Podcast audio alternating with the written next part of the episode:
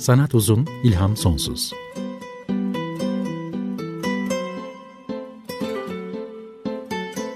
Sanat üzerine psikolojik sohbetler.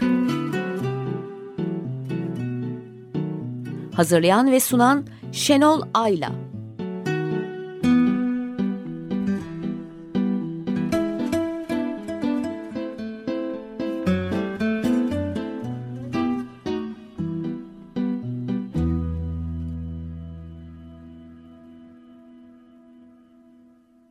94.9 Açık Radyo'da Sanat Uzun İlham Sonsuz'dan merhaba ben Şenol Ayla. Teknik Masada da bugün Barış Demirel bana destek oluyor. Twitter hesabımız @sanat_uzun. Ee, podcastimize nasıl ulaşacağınızı biliyorsunuz artık Açık Radyo.com.tr'nin ana sayfasında programlar bölümünün altında. Bugün de birkaç e, görseli ve linki Twitter hesabından program sırasında ya da sonrasında paylaşacağım. Ee, geçen hafta Açık Radyo'nun geleneksel destek haftası vardı biliyorsunuz. Çok güzel ve heyecanlı geçti. Hepinize, tüm dinleyici ve destekçilerimize çok teşekkür ediyorum ve ediyoruz. Ee, o nedenle geçen hafta Sanat Uzun İlham Sonsuz yoktu. Ondan önceki son programda 14 e, Mart'ta ölen Stephen Hawking'den ilham alarak her şeyi ya da çok şey bilen fizikçilerin hayata nasıl baktıklarını sorgulamıştım. Hayatın anlamı deyince onlar ne düşünüyorlar, ne cevap veriyorlardı. E, bu arada ama geçtiğimiz hafta cumartesi günü 31 Mart'ta Stephen Hawking'in de cenazesi yapıldı Cambridge'de. Cenazeye bir astrofizikçi olan Brian May de katıldı. Queen'in gitaristi Brian May. Bu da bir aranıt olsun. Bu cenazeden birkaç fotoğrafı da Twitter'dan paylaşacağım. Her Şeyin Teorisi filminde Stephen Hawking'i oynayan Eddie Redmayne de vardı cenazede. Ee, ve birçok dostu vardı. Güzel bir tören olduğu yazılıyor. E, fizikçi Richard Feynman'dan söz etmiştim geçen hafta bir de. Hayata bilmenin verdiği hazla bakıyordu. Araştırmak ve biraz daha fazla şey bilmek, hep daha fazlasını öğrenmek ona büyük keyif veriyordu. Bir çiçeğe baktığında bizlerden çok daha fazlasını görüyordu. Öyle söylemişti. Bizim gibi çiçeğin güzelliğini görüyordu evet ama e, bildikleri sayesinde hmm, o çiçeğin atomlarının düzenini, hücrelerinin birbiriyle ilişkisini, iletişimini başka birçok şeyi daha görüyordu ve bizde olmayan şey yani onun bu fazla bilgisi e, onun bir çiçeğe bakarken duyduğu heyecanı da arttırıyordu. Kendisi öyle demişti. Bu konudaki konuşmasıyla ilgili bir videoda paylaşmıştım Twitter'dan. E, hayatın anlamını bilmekte ve keşfetmekte bulduğunu söylüyordu adeta Richard Feynman.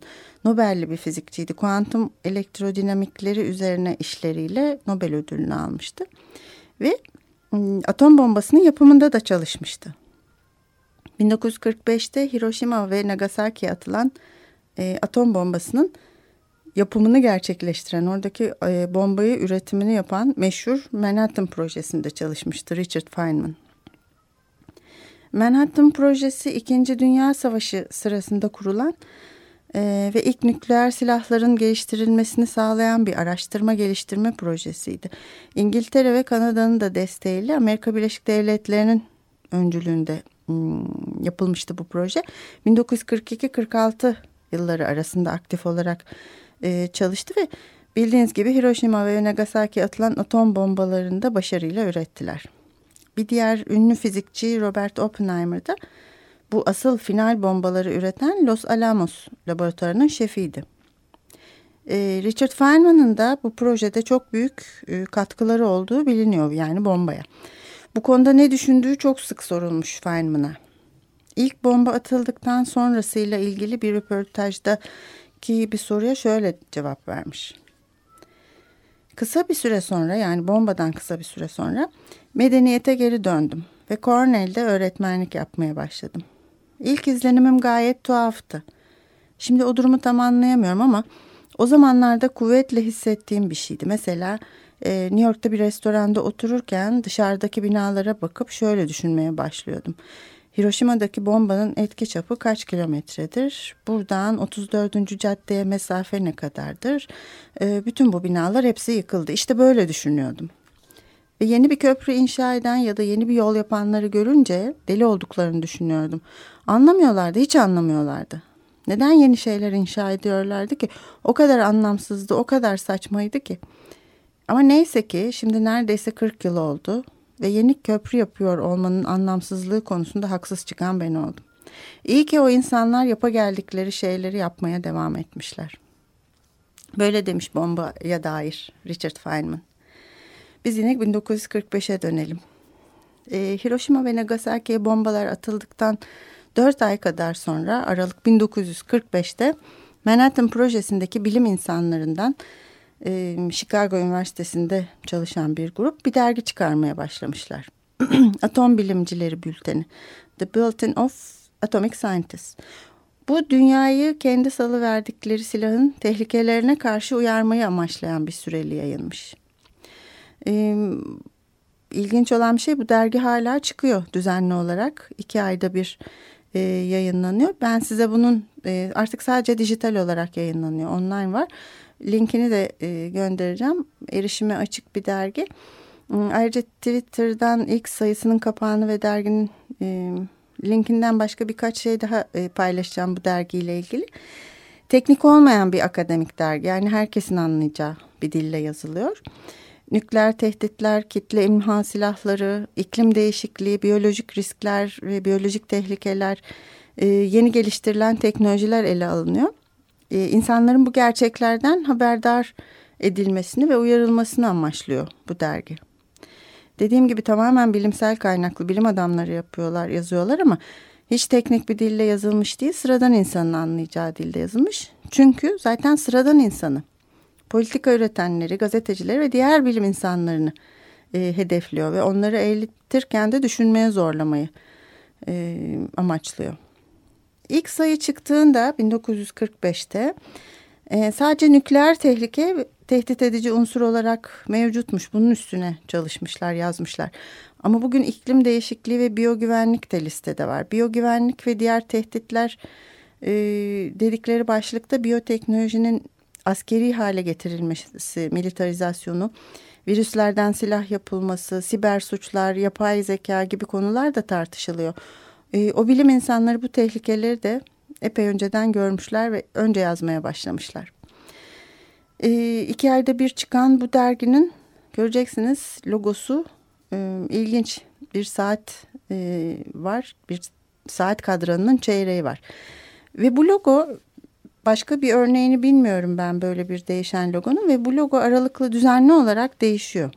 Düzenli demeyeyim ama e, şöyle mahşer günü Doomsday Clock e, ya da kıyamet günü adı verilen bir saat logo var. E, ve e, bunları da paylaşacağım Twitter'dan. 1945'te ilk çıktığında dergi logodaki saat 12'ye yani kıyamet saati olarak kabul edilen 12'ye 7 dakika varı gösterirken şimdi günümüzde 12'ye 2 kalayı gösteriyor.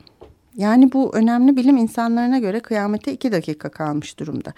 Derginin yayın kurulu oturup dünyanın o günkü durumuna göre felakete ne kadar uzakta olduğumuzu e, bir takım kriterlere göre belirliyorlar.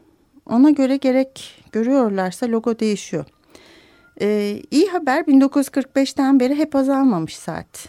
1990'da ve 1991'de Soğuk Savaş'ın bitmesi ve nükleer denemelerin azalması, silah üretiminin karşılıklı durdurulması ve yumuşamayla e, kıyamet saati 10 dakikaya hmm, önce 2, 12'ye 10 dakika kalaya sonra da 12'ye 17 dakika kalaya çıkarılmış. Ama hemen 1995'te de yeniden 12'ye ee, 14 dakika kalaya indirilmiş. Ee, bu iyi haber sayılırken kötü haber bu saatin geri alınması sadece birkaç yıl e, içinde olmuş. Onun dışında 90-91 dışında böyle bir şey yaşanmamış. Bugün en kötü durumdayız. 12'ye 2 var. Bilim insanları dünyanın durumunu hepimizin gidişatını gayet kötü görüyorlar. Bunda şaşıracak pek bir durum yok sanıyorum. Hmm, geçtiğimiz yıl 2017'de e, iki buçuk dakika varken kıyamete bu yıl Ocak ayında tekrar saat ayarlanmış logodaki ve 30 saniye ileri alınmış. E, kendileri de uzun açıklamaları var. Hmm, bir saptama bu durum değerlendirmesi olarak bunu da yayınlıyorlar dergide. Onu da linkini paylaşacağım.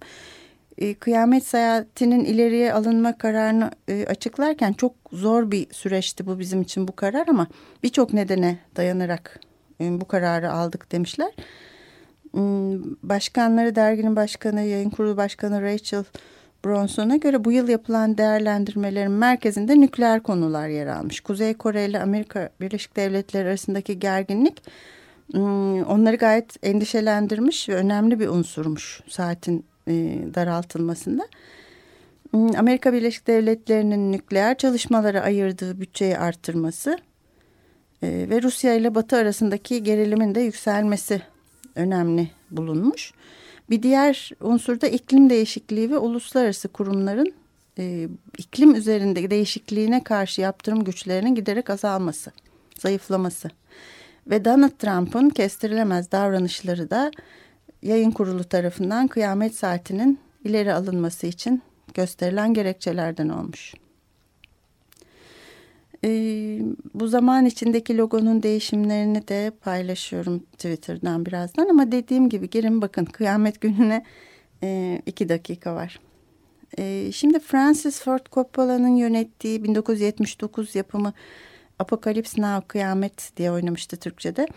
Filminin giriş sahnesinde e, The Doors grubunun The End parçası çalıyor. Onu dinleyeceğiz. Üzerine duyacağımız helikopter sesleri filme ait. Marlon Brando oynuyordu bu filmin başrolünde. E, dinlediğimiz parçanın sonunda da helikopter sesinin e, filmi izleyenler belki hatırlayacaktır. Odanın tavanındaki vantilatöre pervaneye bağlandığı ve onun sesine dönüştüğü bir sahne bu.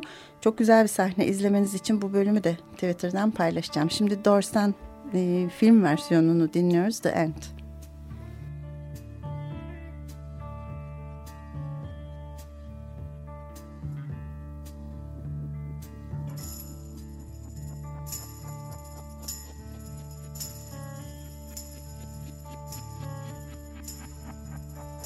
This is the end, beautiful friend.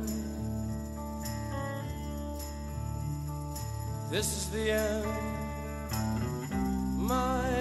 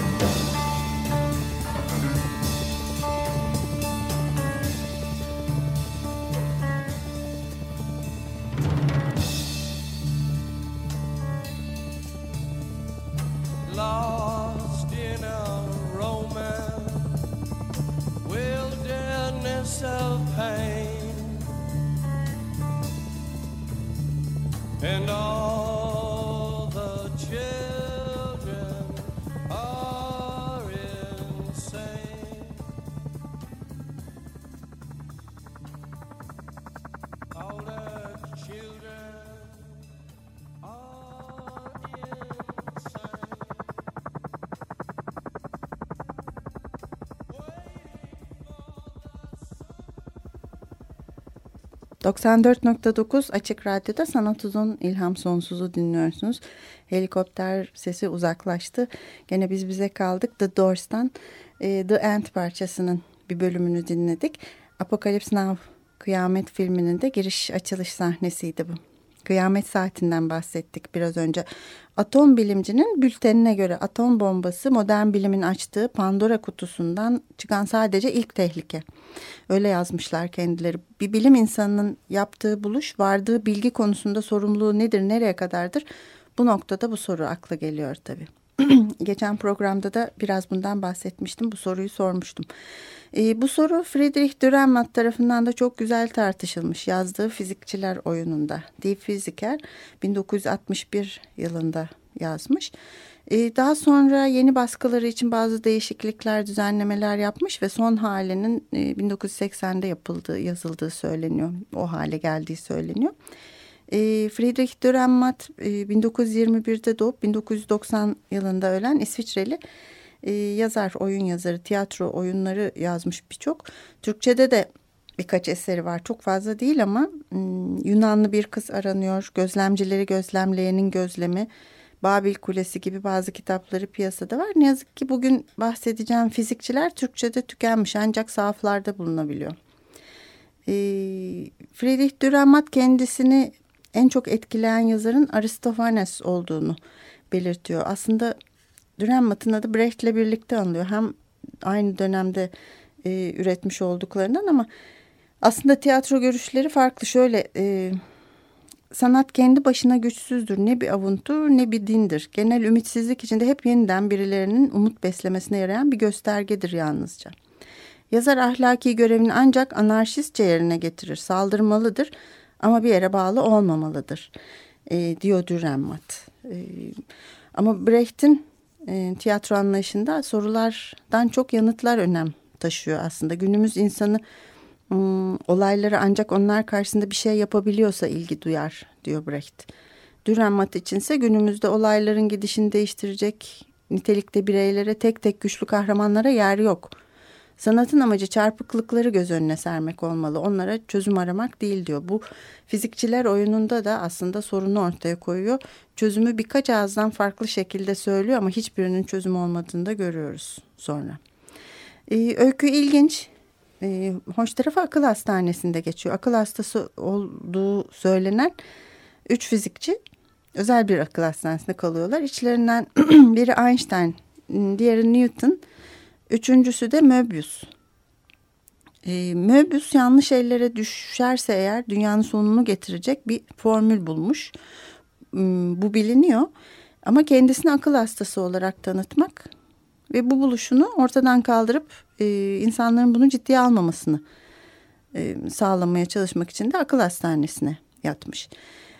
E, Newton ile Einstein da aslında Tabii ki bunlar gerçek Newton, gerçek Einstein değil. Kendilerine bu ismi veren, ıı, akıl hastası olduklarını göstermeye çalışan ıı, iki rakip gücün, dünyadaki iki rakip ıı, gücün gizli servis ajanları. Ama burada bulunuş amaçları da Möbius'un bu dünyanın gidişatını değiştirecek buluşunu kendi tarafları adına ele geçirmek. Ve kendi amaçları için ülkelerine sunmak. Ee, bayağı e, aslında e, komedi olduğunu söylüyor ama hmm, gayet gergin bir komedi aslında bu. E, üç fizikçi de aslında bir zamanda oyunun içinde bir yerde hemşirelerini öldürüyorlar. E, polis ölümleri araştırmak için hastaneye geldiğinde de Möbius gizli formülü gerçekten yok ediyor. E, diğer iki meslektaşını da e, yani Einstein ve Newton'u da dünyayı yok olmaktan e, kurtarmak üzere tehlikeli bilgileri kendilerine saklamaları için ikna etmeye çalışıyor. Ancak fizikçiler e, çok geç anlaşmaya varıyorlar. Çünkü hastanenin baş doktoru Mathilde von Sant e, Möbius'un tüm notlarının kopyasını çıkarmış. Aslında gerçekte yok edememiş Möbius notlarını. Ve birazdan da anlıyoruz ki Mathilde von Sant e, aslında kendisi de bir akıl hastası. Oldukça olaylar karışıyor e, fakat aklı başında olan olduğunu fark ettiğimiz e, bu bilim insanları kendi görüşleri açısından insanlığın geleceğini etkileyecek bir buluşu ne yapmaları gerektiğini kendi ağızlarından tartışıyorlar. Aslında e, oyunda bilimsel bir etik kavramını, bilimsel etik kavramını sorguluyor. Bir şey düşünüldüğünde ya da bulunulduğun, bulunduğunda ortaya konduğunda artık geri dönülemeyeceği konusunu tartışıyor. E, Newton ve Einstein de bilimin iki farklı yönünü temsil ediyorlar. Hmm, her iki yöntemin sonucunda da sonuç değişmiyor. Bilim ölümcül sonuçlara yol açıyor. Aslında her iki yolda başarısızlıkla sonuçlanıyor. Möbius ise asıl formülü bulan Möbius ise e, bu ikisine karşı farklı bir yol olan geri çekilmeyi ve kendisini izole etmeyi tecridi seçmiş. Ama sonunda onun seçtiği yol da başarısızlıkla sonuçlanıyor. Çünkü dediğim gibi gerçek akıl hastası olan tek kişi olan doktorun eline geçiyor bu ım, formül.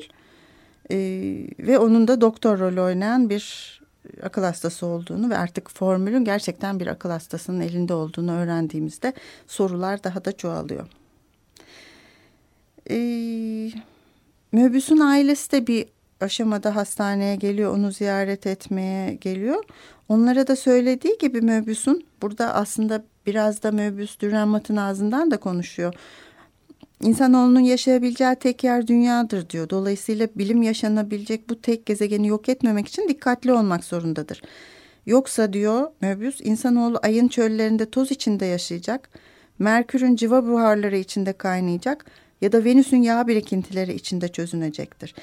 Üstünden e, aslında 50 yıl kadar geçtikten sonra bu dedikleri çıkmaya başlıyor tabii Dürrenmatt'ın da Merkür'de, e, Ay'da, Venüs'te değil de Mars'ta kızıl topraklarla birlikte yaşamak yolunda hevesle adım atıyoruz biz de. E, fizikçiler oyunu 1962'de ilk kez Zürih'te sahnelenmiş ve büyük bir başarı elde etmiş. E, dünya premieri olmuş bu ve çok başarılı. Sonraki sezondan itibaren de en sık sahnelenen Almanca oyunlardan biri haline gelmiş. İkinci Dünya Savaşı'ndan sonraki en önemli e, Alman tiyatro başarılarından biri olduğu yazılıyor. E, Feynman'a 1959'da sorulan bir soru bu. Bombanın yapımına kat, katılmış olmanız hakkında ne düşünüyorsunuz? Daha doğrusu ne hissediyorsunuz diye sorulmuş. Şöyle cevap vermiş. Hmm, şimdi bu hak, bu konuda ne hissediyorum? Tabii benim şöyle bir felsefem var. Geriye dönüp yaptığım bir şeyleri reddetmiyorum, inkar da etmiyorum. Ama o kararı verdiğim zaman da nasıl hissetmiş olduğumu hatırlamaya çalışıyorum. Eğer o şeyi Almanlar geliştirmiş olsaydı o zaman tamamen çaresiz kalırdık ve bunun e, tüm medeniyetin sonu olacağına inanıyordum o günlerde. Tabii şimdi medeniyetin ne kadar devam edeceğini de biliyor değilim ama o ayrı. O günlerde o işte çalışmış olmam Almanya'nın bunu başaracak, e, Almanların bunu başaracaklarından korkmamdan kaynaklanıyordu. Ve o nedenle topluma karşı da kendimi sorumlu hissediyordum. Evet hissettiklerini böyle anlatmış e, Richard Feynman. E, fakat birçok röportaj yapan insanda sık sık bunu sormuşlar ona. Gayet kaçak cevap verdiğini söylüyorlar. Hmm, aslında atom bombasının üretilmiş olması değil geleceğe bakışımız çok daha önemlidir demiş. Bu aşama bu noktada en azından doğru buluyorum onu. Ee, bugün iki haftadır Stephen Hawking'in lafı geçiyor. Onun bir linkini paylaşmak istiyorum sizinle. Star Trek'te uzay yolunda da bir bölümünde oynamıştı Stephen Hawking. Orada da fizikçilerle bir arada Newton, Einstein e, ve uzay yolunun elemanı Data ile birlikte poker oynadıkları komik bir sahne var. Onun da YouTube linkini paylaşmak istiyorum. Ve belki bu sefer bir de ödev verebilir mi size? Doktor Strangelove filmini seyrettiniz mi bilmiyorum. Mutlaka seyretmenizi isterim. Doktor Strangelove or How I Learned to Stop Worrying and Love the Bomb. Stanley Kubrick'in 1964 yapımı bu filmi. Hmm, Doktor Strangelove ya da e, nasıl kaygılanmayı e, kesip bombayı sevmeyi öğrendiğimin öyküsü diye çevirdim. Tam Türkçe adını daha sonra bakacağım. Bundan da söz etmek isterim e, önümüzdeki günlerde. Bugün bilim insanlarının yaptıkları işin sorumluluğunu, daha doğrusu o işin sonuçlarının sorumluluğunu ne kadar almaları gerekir, alabilirler mi, almalılar mı gibi soruların cevabını e, aradım. Tabii bulamadım. E, bu bölüm Hayatın Anlamı serisinden bir programdı. Önceki bölüm gibi bilim insanları nasıl görüyorlar hayatın anlamı diye düşünerek başlamıştım. Bu hayatın anlamı serisi biraz daha devam edecek ara ara. E, öyle görünüyor. Sadece bilim adamlarına değil sanatçıların da e, görüşlerine yer, yer vermek istiyorum. Sizlere anlam dolu bir hafta dilerken hoşçakalın diyorum.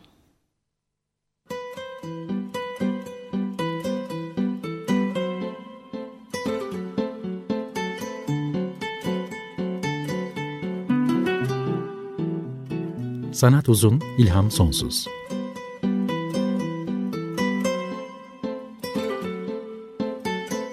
Sanat üzerine psikolojik sohbetler.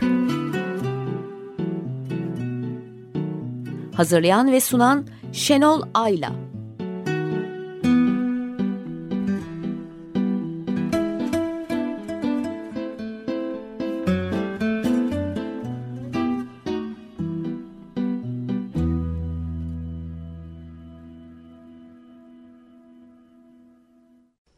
Açık Radyo program destekçisi olun.